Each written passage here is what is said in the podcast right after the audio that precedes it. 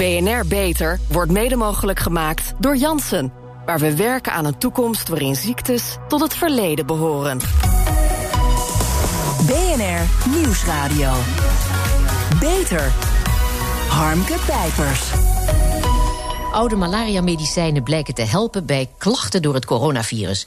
We bespreken het Nederlandse onderzoek daarnaar en de ziekteoverdracht van dier op mens want dat is een onderschat probleem. Welkom bij BNR Beter, het programma voor mensen die werken aan gezondheid. Vandaag praat ik via telefoonlijnen met professor Andy Hoepelman, voormalig hoofd interne geneeskunde en infectieziekten van het UMC Utrecht, en met Bart Knols, medisch entomoloog en muggendeskundige. Ik begin met uh, professor Hoepelman, met wie ik ga praten over het Nederlandse onderzoek naar de effecten van malaria- en reuma-medicijnen op complicaties bij patiënten met corona. Meneer Hoepelman, in dit uh, Nederlandse onderzoek gaat het om twee middelen die eerder tegen malaria en reuma werden ingezet: chloroquine en hydrochloroquine. De resultaten worden, zo lees ik, hoopgevend genoemd. Wat doen die medicijnen precies met het coronavirus? Nou, als u het echt wil weten, weten we dat niet. Maar de hypothese is dat ze op twee manieren werken. Um, op het ene manier direct op het virus, met name in de cel. En daarnaast werken ze op, uh, waarschijnlijk op de afweer uh, van uh, de mensen tegen het virus. Ja, en die, die afweer, heb ik begrepen, van die mensen is te heftig hè? En, en moet dus afgeremd worden. Nou, Kijk, laten we het vooropstellen, bij 85% van de mensen die corona oplopen, um, ja, verloopt het ziektebeeld mild. Mm -hmm. Ongeveer 15 tot 20 procent van de mensen worden opgenomen. En daar een deel van de patiënten krijgt na een dag of 7, 8 tot 10 een soort uh, verergering van het beeld. En het idee is dat dat komt doordat de afweer van de persoon zelf zich richt tegen het virus. En dat die uh, juist door een overmatige afweer er schade optreedt. Ja, en, en die overmatige afweer, uh, ja, die is dus, uh, kan fataal zijn. Weten we al waarom het lichaam bij sommige patiënten zo heftig reageert? Ja, dat weten we eigenlijk niet. En waarschijnlijk speelt daar een, uh, genetica, een genetische component, een belangrijke rol. Mm -hmm. uh, maar er zijn ook andere uh, factoren. Maar echt weten we doen het niet. Maar meestal is het toch een genetische achtergrond. Ja, die middelen moeten in een uh, zo vroeg mogelijke fase van besmetting worden toegediend. Om die overmatige afweerreactie voor te zijn, begrijp ik. En zo te voorkomen dat de patiënt uh, op de IC terechtkomt. Tegen wat voor soort klachten bij het malaria-virus en reuma werken deze medicijnen normaal? Ja, die, de, chloroquine uh, wordt uh, traditioneel heel lang gebruikt, maar nu wat minder uh, voor de behandeling van malaria. Dus niet tegen de klachten, maar echt op, het, op de malaria-parasiet werkt in de cel. En mm -hmm. hydroxychloroquine wordt gebruikt bij reuma en andere auto-immuunaandoeningen en werkt waarschijnlijk op de, op de afweer. Of deze middelen echt werken, dat weten we niet. Hè? Dat, dat, is belangrijk om u te realiseren. We hebben ze een mm -hmm. tijd lang in Nederland geadviseerd voor de behandeling. Gebaseerd op data die we eigenlijk niet kenden vanuit China. En, en China was in de richtlijn ingevoerd. En onze onderzoek richt zich met name op de vraag: werken deze middelen? Want we hebben ook een controlegroep. De mensen krijgen of chloroquine, of hydroxychloroquine, of een standaardbehandeling. Ja. En, en zijn de klachten die we nu zien, hè, zijn die corona-specifiek of komen ze ook bij andere virusinfecties voor? Nee, de, de, de klachten van iemand met, uh, die zich gemeld met corona zijn totaal aspecifiek. Zijn de klachten die passen bij een bovenste luchtweginfectie en later ook bij een onderste luchtweginfectie, bij een soort longontsteking. En die zien we eigenlijk bij heel veel virussen en ook uh, bij sommige bacteriële uh, luchtwegverwekkers. Dus die zijn niet specifiek. Dus het is heel moeilijk om te zeggen in een niet-epidemische fase, want een epidemie is makkelijk, want dan, dan heeft bijna iedereen de ziekte verwekken, maar in een niet-epidemische fase, om te zeggen welke verwekker veroorzaakt dit ziektebeeld. Ja, nou, nou komt het vaker voor hè, dat bepaalde medicijnen ook tegen andere ziekten werken dan waarvoor ze aanvankelijk bedoeld zijn.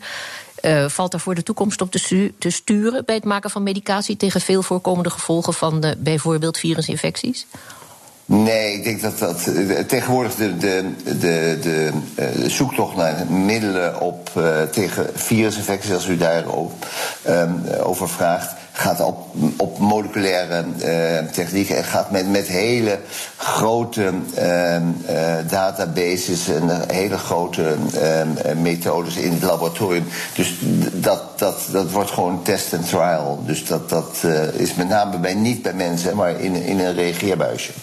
Ja, in de media lezen we voortdurend over allerlei medicijnen die kunnen helpen bij genezing van coronavirus. Ik zeg kunnen helpen. U zegt al, we weten dat niet zeker met de middelen waar we het nu over hadden. Maar weer zo'n nieuw wondermiddel moet rem, rem, remdesivir zijn. Dat onderzocht is door het Amerikaanse National Institute of Health. En een virusremmende werking heeft. Kunt u nu uw onderzoek um, richten op, uh, op dat middel remdesivir? En uw uh, nou ja, onderzoek wat u nauwelijks begonnen bent in de prullenbak gooien? Ja, nou weet je, het is heel jammer dat wij zijn in Nederland 11.500 opnames verder. In de wereld 100.000 opnamen verder.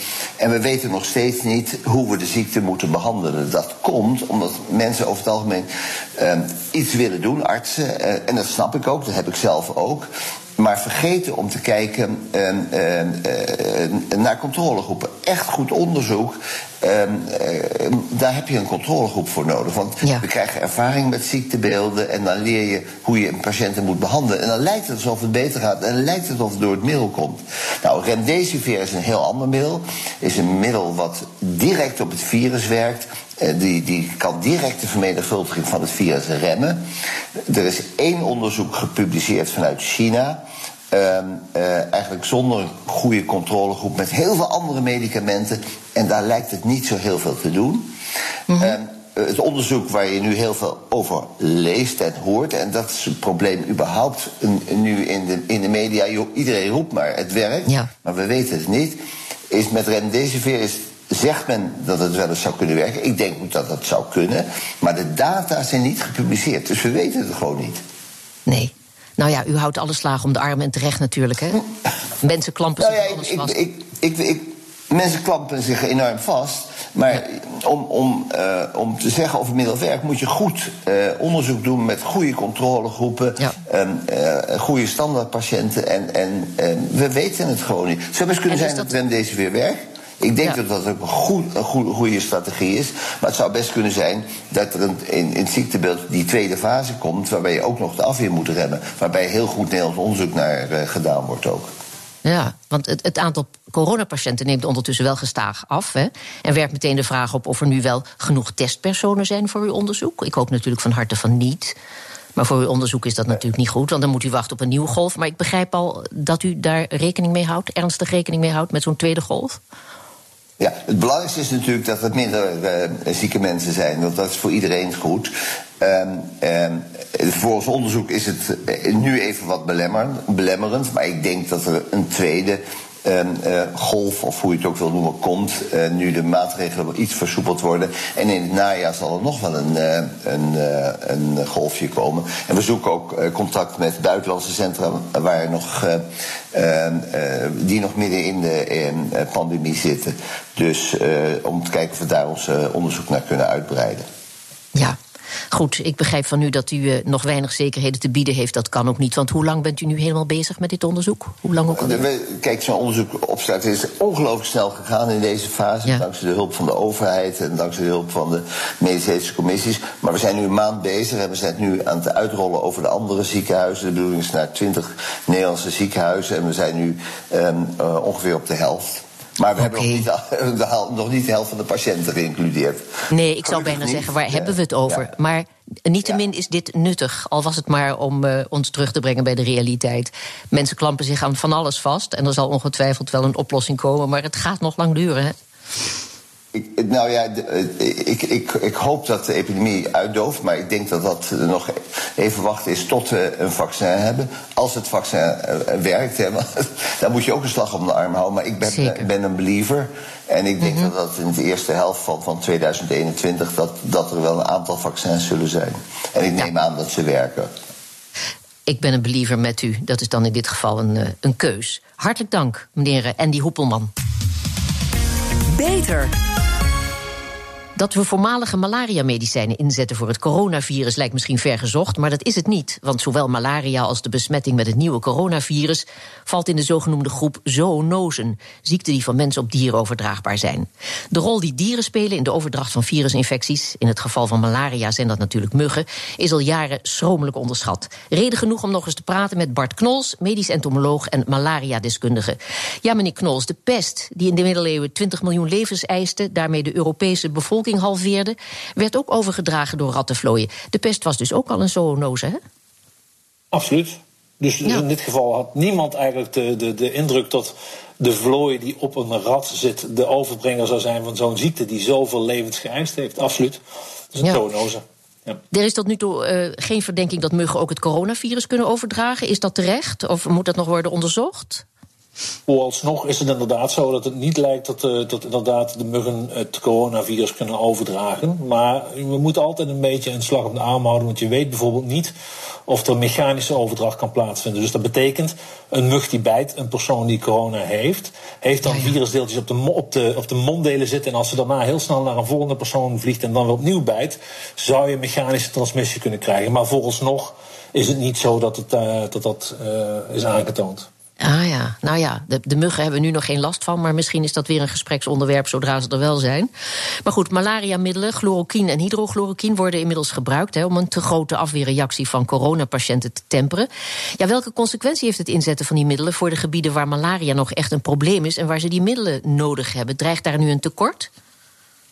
Nou, voor wat betreft uh, Afrika ten zuiden van de Sahara wordt chloroquine eigenlijk maar vrij weinig uh, nog gebruikt vanwege resistentieproblemen.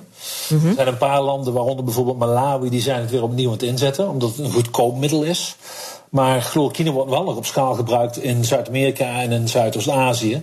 En daar uh, ja, dreigt wellicht een tekort. Ik heb begrepen dat de Verenigde Staten bijvoorbeeld een claim legt op een hele hoop productie die vanuit India komt. Uh, en dat zou mogelijk problemen kunnen opleveren voor het behandelen van malaria. Ja, uh, er is wellicht, of misschien een licht aan het einde van de malaria-tunnel, zo lijkt het. Want bij een muggenpopulatie aan het Victoria-meer in Kenia is nu een schimmeltje ontdekt, Microsporida MB. Uh, dat de overdracht van de malaria-parasiet van muggen op mensen blokkeert. Nou, het wordt als doorbraak in de strijd tegen malaria gezien. Ziet u het ook zo? Nou, dus laat ik vooropstellen dat het een interessante bevinding is. Uh, om een deel van de populatie muggen te vinden waarin microsporidien voorkomen en die dan niet meer in staat zijn om de parasiet uh, over te dragen naar de mens, is een interessante ontwikkeling. Echter, laten we even niet uh, uitvlakken. Afrika is natuurlijk een gigantisch groot continent met een gigantisch ja. groot probleem malaria. Dus het, het, deze bevinding is een, een hele interessante aanzet om te gaan kijken eh, hoe we deze microsporidie kunnen inzetten op grotere schaal. Ja. Maar vooralsnog betekent dat niet dat morgen gewoon malaria uit Afrika verdwenen is. En nee, maar uh, ik heb in uw boek uh, Mug nog... Uh, Mug, zo heette dat boek... heb ik nog even zitten lezen. U deed in 1998 al onderzoek naar het besmetten van tsetse-vliegen met een schimmel die in een mot was aangetroffen op dezelfde plek in Kenia als deze nieuwe schimmel. Hebben we het nu over hetzelfde schimmeltje? Nee, dit is een ander schimmeltje. Uh, oh ja. de, de, schimmel waar we, waar we toen mee bezig waren, die heet Metaridium.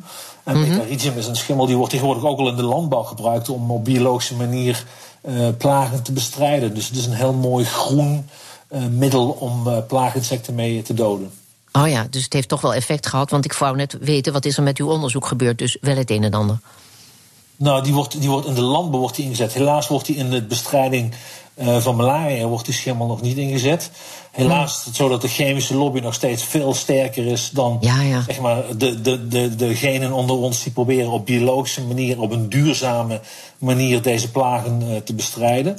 De chemische lobby is nog steeds met, met insecticiden nog steeds veel sterker en moeilijk terug te dringen uh, in het veld van malaria. Ja, nou goed, um, daar hebben we dan nog rekening mee te houden. Want uh, mijn vraag is ook: deze microbe, deze microbe die wordt van moedermug op het nageslacht overgedragen. Is het nu een goed idee om muggen met dit schimmeltje te gaan kweken en uit te zetten? Nou ja, kijk, het, zal ongetwijfeld zo zijn dat die microsporidien voorkomen op grotere schaal. Hè, dat er al populaties ja. zijn die sowieso van nature deze microsporidien uh, in zich hebben. En waarbij inderdaad de moedermuggen uh, aan de eieren de, de schimmel al doorgeeft. Uh, ik denk als er, een, als er een evolutionair voordeel is voor de mug om inderdaad zo'n schimmel bij zich te hebben. Want normaal hebben muggen ook last van een malaria-infectie. Doorgaans leven ze dan korter en krijgen minder nakomelingen. Dus als de schimmel beschermt, geeft dat een evolutionair voordeel en zouden zich daardoor gewoon makkelijker kunnen verspreiden in de populatie. En dat zou natuurlijk een goede zaak zijn. Ja, een groot probleem in de strijd tegen muggen is resistentie. Hè? Er is jaren gezocht naar natuurlijke vijanden van de mug. In uw boek Mug beschrijft u een poeltje stervende muggenlarven... die al in 1976 besmet bleken met een bepaalde bacterie... die voor muggen fataal is. En die bacterie wordt nu al meer dan 30 jaar ingezet... zonder resistentie te veroorzaken, maar is in Nederland niet geregistreerd. Wat is dat nou weer voor een raar verhaal? Las ik in uw boek, is dat nog steeds zo? Hela helaas, ja, dat klopt. En, uh, het is inderdaad helaas zo dat dat middel in, uh, in Nederland niet geregistreerd is. Alleen op basis van ontheffing mag het worden ingezet. Het zou mooi zijn als wij in Nederland, net als in Frankrijk en Duitsland bijvoorbeeld, die hebben het wel geregistreerd, mhm. dat we BTI, want zo heet het middel, Bacillus thuringiensis, dat we dat wel zouden kunnen inzetten. Want dan kun je namelijk op een hele mooie groene manier uh, en duurzame manier, omdat je geen resistentieproblemen hebt, kun je toch je muggenprobleem aanpakken. Ja, maar, maar hoe goed, of misschien moet ik zeggen, hoe slecht is Nederland voorbereid wanneer een van de 3000 muggensoorten massaal toeslaat? Nou ja, laat ik, laat ik vooropstellen dat ik, dat ik hoop dat door de, de huidige eh, pandemie, door de huidige coronacrisis waar we met z'n allen voor staan, dat ik hoop dat er nu ook eens op een andere manier wordt gekeken naar andere invasieve soorten en wat die mogelijk aan ziekten zouden kunnen overdragen in Nederland. Helaas is het zo dat ook in, in die problematiek er slechts zeer weinig mensen in Nederland zijn die het voor het zeggen hebben van wat er dan moet gebeuren. Een paar mensen bij het RIVM, een paar mensen bij NVWA, die besluiten en die adviseren de minister over wat er moet gebeuren. Bijvoorbeeld bij de vestiging van de Japanse bosmug, zoals we die nu in Flevoland hebben. Waar inmiddels van is aangetoond dat het beest in staat is in ieder geval in het lab, om elf verschillende soorten virusziekten over te dragen. Kijk, op het moment dat dan zo'n mug nu rondvliegt in Flevoland en we laten die mug gewoon haar gang gaan, want dat gebeurt nu, ja. Dan vraag ik mij af van. Uh, iedere keer wordt maar gezegd van ja, maar het risico is maar zo klein. De kans dat iets gebeurt is maar zo klein. En dan zeg ik ja, de kans dat een coronavirus op een natte markt in, in Wuhan, in China, terecht zou komen in een mens is ook heel klein geweest. En de consequenties daarvan die moet nu de hele wereld aanvaarden. Dus ik zou zeggen, laten we eens een keer op een andere manier tegen risicoanalyses aankijken. En meer gaan kijken naar de consequenties die er zullen volgen op het moment dat het wel toeslaat. Ja, er is nooit echt aandacht geweest voor zoonose. Hè? Terwijl we het toch in een groter geheel moeten zien, zoals de klimaatverandering, die uh, mede oorzaak is van de migratie van muggen en virussen. Zal deze crisis dat besef versterken en is die dan toch nog ergens goed voor? Ik, ik hoop het van harte. Ik hoop van harte dat we inzien dat er twee hele belangrijke factoren zijn. Eén is klimaatverandering, zoals u aangeeft. Twee is globalisering. We reizen als nooit tevoren en daarmee de kans op verspreiding van die pathogenen, van die ziekteverwekkers over de wereld, dat enorm snel kan gaan, hebben we nu ook bij corona gezien. Ja. Ik uh, help het met u hopen. Hartelijk dank. Veel succes, Bart Knols, medisch entomoloog en muggenexpert. Zorgvernieuwers. Om coronatests af te nemen zijn speciale wattenstaafjes nodig. Tech-startup Moldit uit het Gelderse Rossum slaat met multinational DSM de handen ineen om die teststaafjes voor corona versneld te produceren. Medeoprichter van Moldit is Martijn van de Ven, die ons kan vertellen hoe die staafjes precies gemaakt moeten worden. Martijn, waar dienen die staafjes precies voor? Um, de, de, staafjes die we momenteel aan het produceren zijn en samen hebben ontwikkeld met DSM, uh, mm zijn specifiek bedoeld voor coronatesten. Um, het is eigenlijk gewoon een, een soort van wattenstaafje zonder de watten aan het uiteinde. En die worden uh, redelijk onaangenaam diep in de neus gestoken. Uh, Om vervolgens weefsel mee te nemen. en vervolgens kunnen zorgmedewerkers kunnen het uiteinde, waar, waar, dus het weefsel aan zit, af, afbreken en in de reageerbuis um, laten transporteren. Um, ah, En vervolgens wordt dat geanalyseerd. Ja, dat afbreken van dat teststukje. Dan moet je natuurlijk niet uh, dat testmateriaal in je handjes krijgen. Maar dat is goed geregeld, denk ik. Er zit nog wel een stukje tussen, neem ik aan. Dat is natuurlijk handig. Maar uh, toch, waarom volstaat er gewoon wattenstaafje niet? Nou, um, om, om omtrent de gewone wattenstaafjes die norma normaliter zijn uh, gebruikt, zijn, zijn een paar problemen. Mm. Sowieso de toevoer van materiaal. Is, is een erg grote uitdaging op dit moment wereldwijd. En verder uh, zie je dat het, het, het slime ook uh, minder makkelijk mee wordt genomen. Dus eigenlijk is daarbij uh, vanuit DSM ook een heel mooi ontwerp met schroepjes ontworpen. Om eigenlijk vanuit één materiaal, dus dat is ook een heel makkelijk productievoordeel. Um, vanuit één materiaal zowel een stijf stijfheid te creëren, zodat de zorgmedewerkers goed de swap kunnen positioneren in de neus. Ja. Flexibel genoeg aan het uiteinde om dus niet heel hard tegen de achterkant van je uh, neusholte te duwen. Ja, en vervolgens ook een complexe vorm om de, om de vloeistof mee te nemen. Ja, die staafjes gaan naar het Landelijk Consortium Hulpmiddelen, hè, speciaal opgericht voor de coronacrisis, voor de landelijke inkoop en verdeling van medische hulp en beschermingsmiddelen. Ja, hoe groot is de vraag nu naar de staafjes en kunnen jullie daaraan voldoen nu? Ja, ja de, de, de vraag is gigantisch. We hebben nu uh, samen met DSM afgesproken dat we er 2,8 eh, miljoen staafjes maken uh, in de komende drie maanden. Uh, mm En in principe, wij kunnen uh, inmiddels heel makkelijk schalen. We, we, we hebben eigenlijk het productieproces geoptimaliseerd. Uh, we hebben de mallen waar, hè, de matrijzen zoals we die noemen in de industrie, die hebben wij um, eigenlijk geoptimaliseerd en uitgedesigned. Waardoor we het eigenlijk in principe, als we moeten schalen, ehm, meerdere matrijzen kunnen maken en, en, en, op meerdere plekken tegelijkertijd kunnen spuitgieten. En wij, wij voldoen nu aan, aan de vraag. En de rest mhm. van de keten moet daarin ook uh, meegaan. Want ze moeten vervolgens individueel verpakt worden, gesteriliseerd worden. Je hebt reageerbuisjes nodig. Um, ja, dus, dus, dus op dit moment uh, voldoen we aan de vraag. En de rest van de uh, supply keten ook. Ja, dus wil je zeggen, het, kort, het tekort aan wattenstaafjes is weggewerkt? Het tekort aan wattenstaafjes wordt weggewerkt. Wordt weggewerkt, oké. Heel veel succes daarbij en dank voor je tijd, Martijn van der Ven, medeoprichter van start-up Molded, dat met DSM samenwerkt om coronateststaafjes te maken. En tot zover BNR Beter van deze week. Terug te luisteren via bnr.nl of via je favoriete podcast-app. Blijf binnen, blijf gezond, doe ik ook. Ik ben Harmke Pijpers. Tot een volgend spreekuur vanuit mijn huis. BNR Beter wordt mede mogelijk gemaakt door Jansen waar we werken aan een toekomst waarin ziektes tot het verleden behoren.